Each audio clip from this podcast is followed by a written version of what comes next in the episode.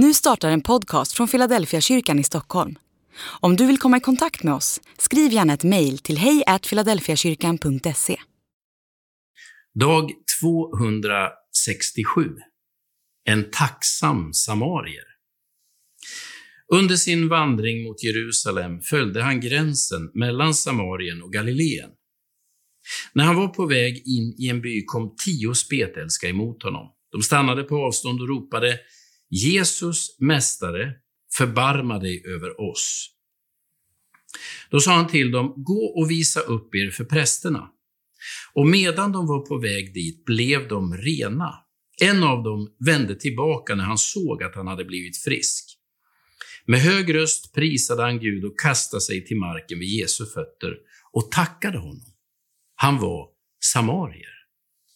Jesus frågade, blev inte alla tio rena? Var är de nio andra? Är det bara den här främlingen som har vänt tillbaka för att ge Gud äran?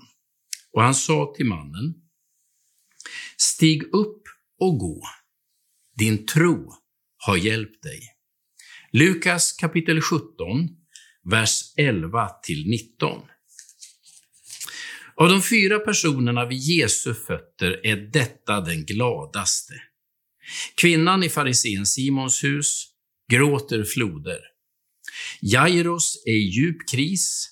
Maria verkar nästan oberörd. Här kommer glädjen indansande. Mannen i fråga dyker som en volleybollspelare ner på marken framför Jesu fötter, tackar Jesus och prisar Gud med hög röst. Mannen i fråga hade följt alla restriktioner som omgivningen la på honom. Han visste att han inte fick komma nära Jesus. På grund av sjukdomen måste han hålla behörigt avstånd till alla friska. Han var spetälsk, vilket betydde att han betraktades som andligt oren. Han stannar, alltså stannar han på avstånd och ropar. Dessutom var han samarier.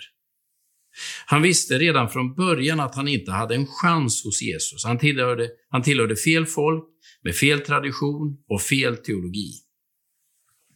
Från avstånd säger Jesus till dem att gå och visa upp sig för prästerna. På vägen dit upptäcker alla att de blivit rena. När Jesus säger åt dem att visa upp sig för prästerna betyder det att han anpassar sig till samhällets krav på renhet. Rätt eller inte, Jesus ser till att de blir accepterade i samhället. Men det mest fascinerande är att bara en av tio kommer tillbaka för att tacka. Det säger något om Guds generositet. När han ger 100 procent svarar vi med 10. Vår tacksamhet står aldrig i proportion till hans generositet.